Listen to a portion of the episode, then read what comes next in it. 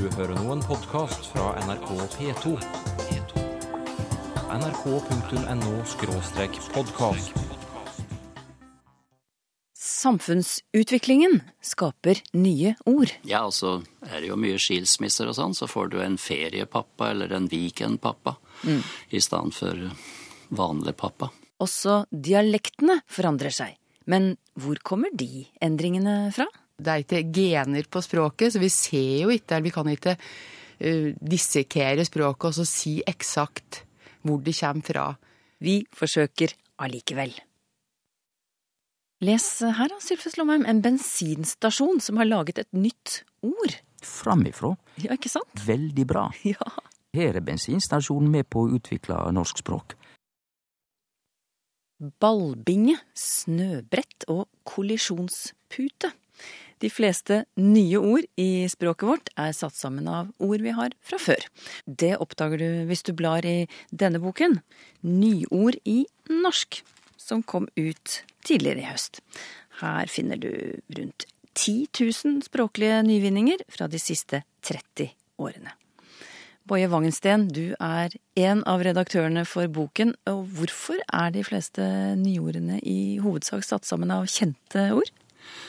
Nei, jeg kan ikke akkurat gi noe godt svar på hvorfor det er sånn, men, men det er i alle fall sånn at når det, det dukker opp et, et nytt begrep, så trenger du å sette et navn på det, og da griper du kanskje eh, først til det språket du, du kan, og, og du bruker norsk. Eldrebølge? Bølgekraft? Børsboble? Det er jo trender i tiden da, som eh, gjør at du får bruk for å danne nye ord. Sånn som ja, børsboble, eksempel. Ja, når kom- når kom det? Eh, Nei, jeg vil anta Jeg husker ikke akkurat når første belegget, men, men det har vel eh, antagelig sammenheng med den såkalte jappetida, som jo også er et nyord. Og hva er, hva er en børsboble? Ja, det er vel eh, at et selskap da blir hausa opp eh, og får eh, aksjekursen bli altfor høy, og så til slutt så, så sprekker det. Datakriminalitet? Dekkbeis? Desibeldemokrati? Ja, desibeldemokrati er kanskje litt sånn typisk for denne perioden vi snakker om, altså 1975 til, til 2005, da, en 30-årsperiode. Hva, hva er det, da? Eh, Det er sånn at det, de som roper høyest, de får viljen sin. Ja. Flere eksempler på, på nye sammensatte ord som forteller noe om den tiden de har oppstått i? Ja, du har sånn, eh, det har jo vært mye snakka om eh, klimagasser, og det er jo et nyord. Ja. Eh, Drivhuseffekten ja. har jo sammenheng med det. Miljøpapir? Kildesortering? Klimaflyktning? Ja. Men andre, andre områder i samfunnet som kan gi oss nye ord, da? Ja, du, altså i denne her perioden da, så, så har jo folk begynt å reise mye mer, har kanskje mer fritid enn de hadde før. Og derfor så har vi jo fått ord som eh, at en drar på øyhopping eller øyloffing eksempel. Eller kanskje en drar på spaferie på et spahotell, som jo eh, Og der kan du kanskje ta aromamassasje. Eller talassoterapi. Hva er det? Eller, Hva er det for nei, det, det er sånn eh, behandling med vann. Fotsoneterapi? Terapibasseng? Vi har jo også fått nye familiemønstre i løpet av de siste 30 årene. Har du noen eksempler Ja, fra det feltet? Nå er det jo sånn at eh, barna skal jo være med på så veldig mye rundt omkring i, på fritida og sånn, så at foreldrene de må jo skysse stille opp og kjøre barna hit og dit, og det blir jo da gjerne kalla curlingforeldre, altså at de det er glatt i isen for barna, sånn at de ikke skal ha noen problemer mm. på sin vei. Så, så det har blitt snakk om curlingbarn og curling, curlingforeldre, for eksempel. Ja. Og ja, og så er det jo mye skilsmisser og sånn, så får du en feriepappa eller en weekendpappa i stedet for vanlig pappa. Samboerskap, partnerskap, skaphomse, homofobi. Du har også eksempler på hvordan nye oppfinnelser eller nye fenomen gjør at vi får behov for å forandre litt på, på gamle navn, eller gamle nettopp. ord. Ja, stemmer. Fordi at eh, det nye da, det er kanskje en sånn eh, særbetegnelse til å begynne med for å merke ut eh, hva det dreier seg om. Sånn som etter at mobiltelefon har blitt så vanlig, så har han fått behov for å sette en spesiell merkelapp på den gamle typen telefon, nemlig fasttelefon. Ja. Og du kan snakke om eh, Det blir snakk om kinofilm nå, f.eks. Før gikk jo alle filmer på, på kino, men mm. nå har du videofilmer og ja, hjemme, hjemmekino og, og sånn. Ja. Eh, og ja, du kan ta et annet Altså villfisk var det vel ingen som snakka om før oppdrettsnæringa begynte å få større og større plass. Mm. Så nå er det jo snakk om villfisk og villaks. Det er forskjell fra oppdrettsfisk og oppdrettslaks. Og til og med villsnø er brukt som i motsetning til I motsetning til kunstsnø, eller kanonsnø, eller ja. hva man vil kalle det. Ja, visst. Ja. Men så sier du at eh, noen av eh, de nye sammensatte ordene også illustrerer utviklingen på likestillingsfronten de siste 30 årene. Har du noen eksempler der? Eh, ja, du har iallfall det fenomenet at du danner ord med kvinne som etterledd, der det tidligere var snakk om en mann. Slik at du får embetskvinne og gjerningskvinne og likekvinne og seierskvinne. Mm. Opphavskvinne. Også noen få på den motsatte sida, sånn at det kan være snakk om helsebror i stedet for helsesøster. Ja. Og, og syngemann i stedet for syngedame. Og værmann, f.eks. Ja. ja. Syngemann har jeg ikke hørt brukt så Nei, men det står i, det står i boka. Ja. Men, men akkurat som et ord oppstår pga. samfunnsutvikling eller teknologisk utvikling, utvikling, så kan det jo bli utdatert også. Har du eksempler på, på nye sammensatte ord fra de siste 30 årene som allerede er ute av bruk? Ja, kanskje ikke helt ute av bruk, men i alle fall ikke så mye brukt som før. Mm. Altså Tastafon var jo vel veldig hyppig sånn på 80-90-tallet, eller da, da, den type telefon ble tatt i bruk. Men nå er jo alle telefoner tastafoner, slik at, eh, at eh, det er ikke så aktuelt lenger. Eller Walkman er det vel ikke mange som eh, snakker om lenger. Båndsalat. Jappebamse. Sjekkgebyr. Men når vi ser på disse eksemplene du har gitt oss nå på nye sammensatte ord, og hvordan de bærer bud om, om, ting som har skjedd i samfunnet vårt de siste 30 årene, det blir litt som å lese i en historiebok? Ja, jeg syns det, og det er det flere som har sagt. At når du har bladd i denne boka, så får du liksom repetert eh, samfunnsutviklinger, kan du si, i disse her 30 eh, årene. Videoavspiller, mobiltelefon, kildesortering, kollisjonspute, kirkeasyl. Boje Wangensten han fortalte nettopp om nyord i norsk. Men her får du et nygammelt ord. Springkasse. Ja, det er ukens nygamle fra språkforsker Tor Erik Gjenstad. Han samler på ord som har gått ut av språket i løpet av de siste generasjonene. Men du, Tor Erik Gjenstad, jeg syns du snakket om kasser forrige gang også? Ja, jeg skal ta opp en kasse i dag òg. Eh, denne gangen er det en springkasse, eller en sprengkassi, som det var sagt. Ordet er fra Statsbygd i eh, Sør-Trøndelag, og det var ei lita jordbærkasse. Det var plass til åtte korier der, og den ble da frakta i full fart fra Frostakaia og opp til torget i Trondheim for å sikre seg best mulig salgsplass. Og Seinere så kunne da vognmannen komme etter med de vanlige jordbærkassene. Så det var et knep for å få best mulig plass å selge jordbæra si. Norske dialekter nærmer seg hverandre. Det slo vi fast i Språkteigen for en uke siden. Vi fikk eksempler på at dialekter mister særtrekk, at bøyningsmønstre forandres, at kasus faller bort, for å nevne noe. Men hva er det som gjør at dialektene forandrer seg på denne måten? Det er fremdeles boken Det norske dialektlandskapet vi støtter oss til for å finne svar. Den er skrevet av språkforskerne Unn Røyneland og Britt Mælum. Britt Mælum, dialektene jevner seg ut, sier dere. Hvor kommer impulsene fra? Det er jo et av de store stridsspørsmåla i, i sosiolingvistikken, kan du si. I Ja, dere er ikke enige, altså? Nei, vi er ikke helt enige. I hvert fall ikke hvor eh, vi skal se mest hen, hvor det kommer fra.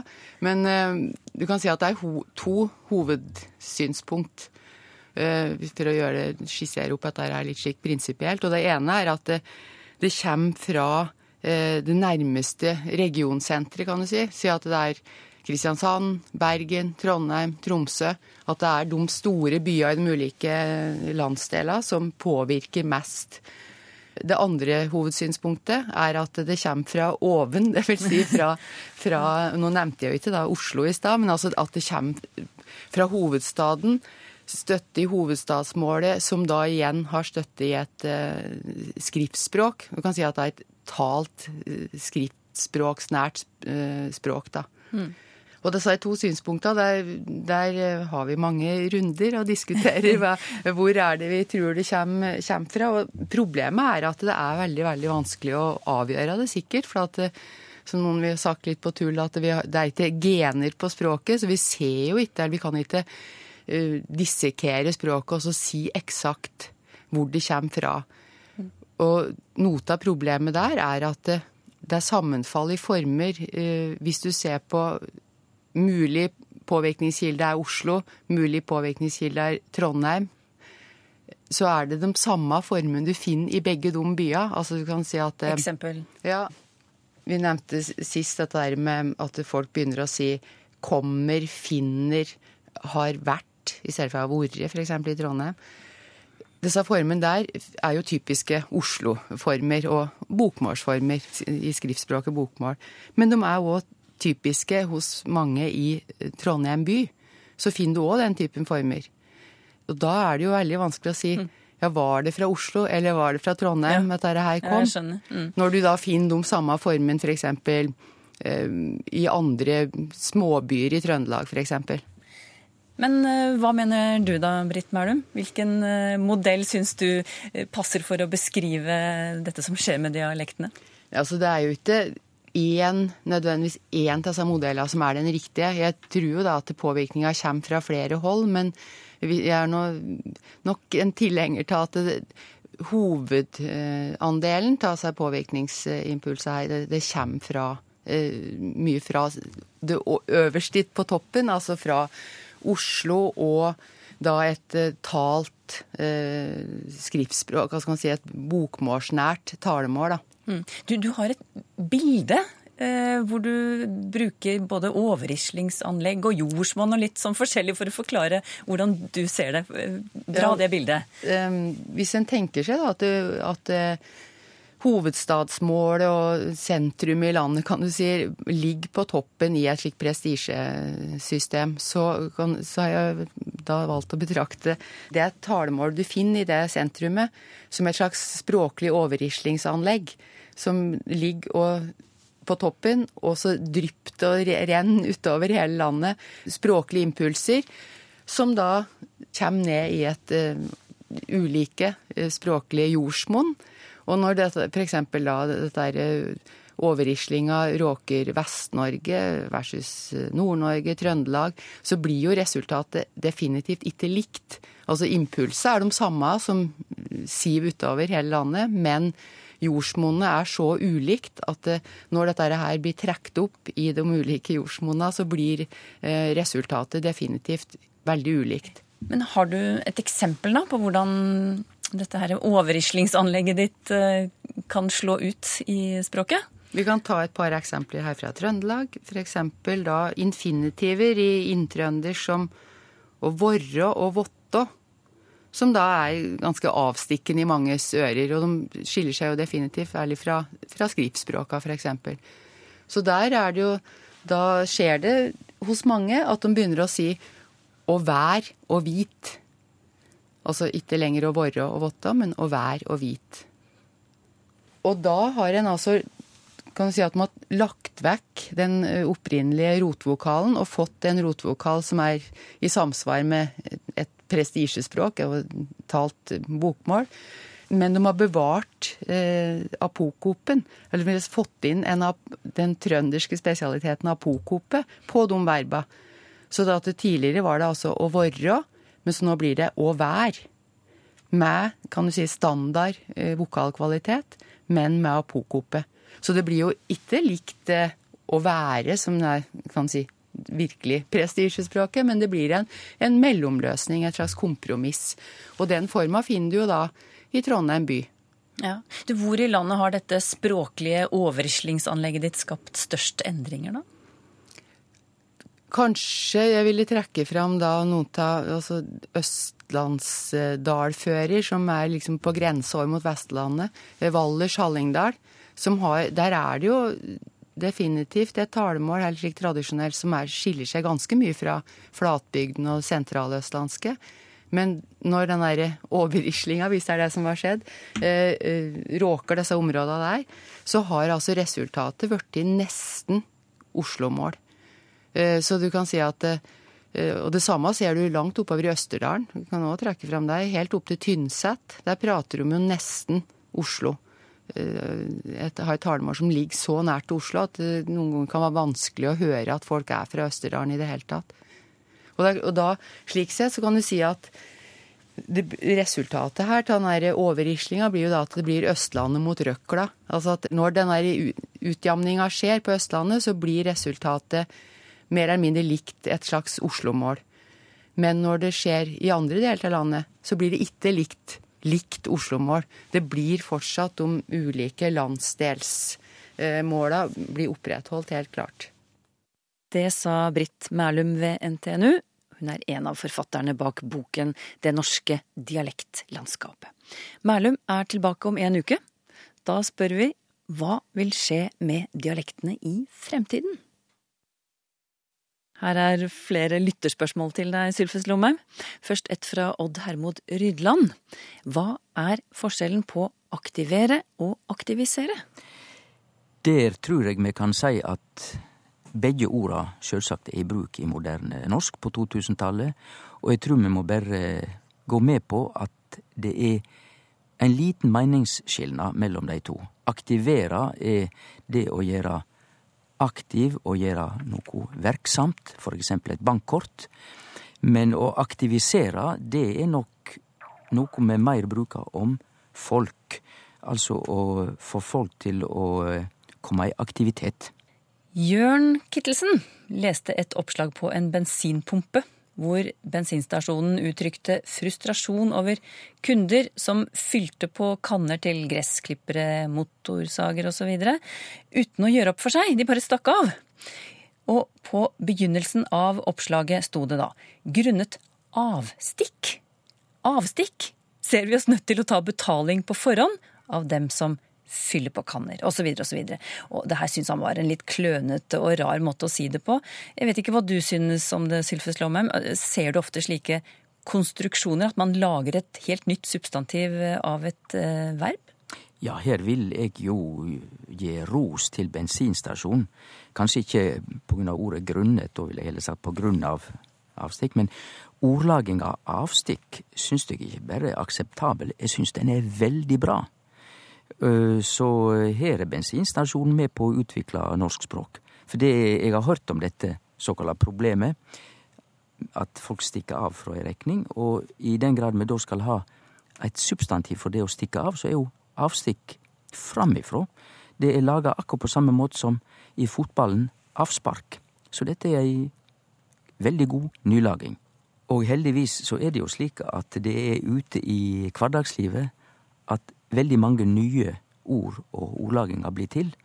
Det er på den måten at alle er med på å utvikle språket vårt. Hva er forskjellen på å flytte og å flytte vekk, vil Berit Åker vite. Er det f.eks.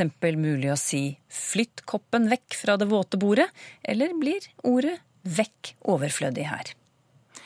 Det er jo slik at vi lærer av innsende spørsmål fra lytterne. Jeg har ikke tenkt over dette før, men jeg tror faktisk at her kan det være noe. For det er slik i språket vårt at hvis vi har to uttrykk som lever godt øh, ved sida av hverandre og er i bruk i språket, så er det Da kan vi regne med da er det en liten skilnad i mening.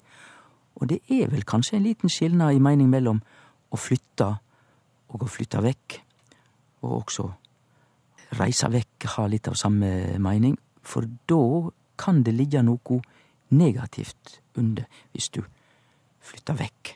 Og det er jo òg fordi at vekk har liksom litt sånn Ja, vi hører det. Medan ordet flytta er mer nøytralt. Så min konklusjon er ut ifra mi språkkjensle, og det det er snakk om i dette tilfellet, er at det kan være en nyanseskilnad mellom flytta og å flytte vekk. Har du et eksempel til oss da, Sylfes Lomheim? Han har flytta. Det betyr at eh, han har flytta fra ei adresse til ei anna. Men han har flytta vekk nå. Da ligger det nok under at eh, det var for å få det kanskje bedre. At det var noe som ikke var heilt topp. Derfor flytta han vekk. Mm. Han ville komme seg bort. Ja. Jørgen R. Larsen viser til et avisoppslag fra i sommer om at man ikke skal gå i feriefellen. Og eh, det handler da om at mange viser at eh, ingen er hjemme i ferien, og da er det fritt fram for eh, tyver. Nå har jeg en ektefelle, skriver han. Hva er bakgrunnen for de to vidt forskjellige betydningene av ordet felle? Altså feriefelle og ektefelle? Og dette er slike spørsmål vi liker å få i Språkteigen. Felle i feriefella og ektefella. Folk skjønner nok at dette er to ulike ord, egentlig, som er, har fått lydlig og formell eh, likskap. For eh, ikke å gå i feriefella, da er fella her i slekt med å falle. Det er rett og slett den fella som klapper sammen eh, når vi òg setter opp felle ute i marka. Så det er verbet falla. Når vi har ektefelle, så har vi der det samme ordet som folk kjenner fra engelsk, fellow, og i gammelnorsk felaget, altså ein ven. Så ektefelle betyr en ekte ven. Felles er forresten i slekt med felle i ektefelle, for felles er det som er felags, det som vi har sammen. Inger Marit Løvenskiold og Mina Adampour vil vite hva ordet pultost kommer av. Og det kjem nok ikke fra det ordet som kanskje mange tenker på, men det kjem fra et ord pulta, som er ei velling, mjølkevelling, altså en slags graut. Og pultost er da en ost som er laga av, av skummamjølk, og det er en skarp og mager ost. Typisk norsk ost. Tidligere advarte vi alltid mot noe, skriver Øyvind Bekkelund. Nå forundrer jeg meg over at det alltid advares om noe. Når kom dette, og er det slik det skal sies nå? Når det kom i bruk med, med advare om på bokmål, det skal jeg ikke si, men det er helt sikkert at vi ser det ofte i bruk. Jeg vil på bokmål advare mot det, for jeg er sammen med innsenderen. Det er advare mot som jeg vil se på som det gangbare i bokmålet. Det er også det som er oppført i ordbøkene. Som et synonym til å rå ifrå. Eh, grunnen til at om har kommet med, er vel kanskje ei påverknad fra et annet verb. med med, varsler om noe, og det kan jo oppfattes nesten som det samme som å advare mot. Så om en kan ha påvirka bruken når det gjelder advare. Jane Sivertsen vil at vi i Språkteigen skal snakke litt om det å bruke du når vi egentlig snakker om oss selv. Og så har hun et par eksempler her. Hun hørte på fjernsyn en mann fortelle om hvor vanskelig det var å få vite at han hadde fått en alvorlig sykdom, og da sa han det er et spørsmål som kommer til deg hele tiden, som du ligger og grubler på om natten. Og et annet eksempel fra idrettens verden. Når du har trent så mye i løpet av hele våren, så venter du jo gode resultater når du stiller opp i en slik konkurranse. Og her er det altså egentlig personer som snakker om seg selv. Og så lurer hun på er vi redde for å bli for personlige? Føles det ubehagelig å si rett ut at dette er min mening, eller at dette er faktisk jeg som har erfart dette? Hun vil ha dine tanker om saken, Sylfest Lomheim. Ja, og da blir mitt svar at jeg har ikke noen vanske med å si at det er ok, den språkbruken som ble sitert her når det gjelder du, i stedet for jeg, fordi at det er en språkbruk med du, andre person, som er Det peker på jeg, altså første person, men også mange andre. Det er jeg og mange andre som er meninga når du sier du på den måten.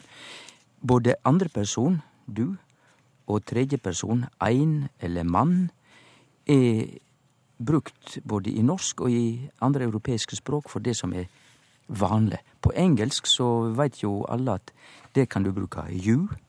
You cannot do that. Du, du må ikke gjøre det.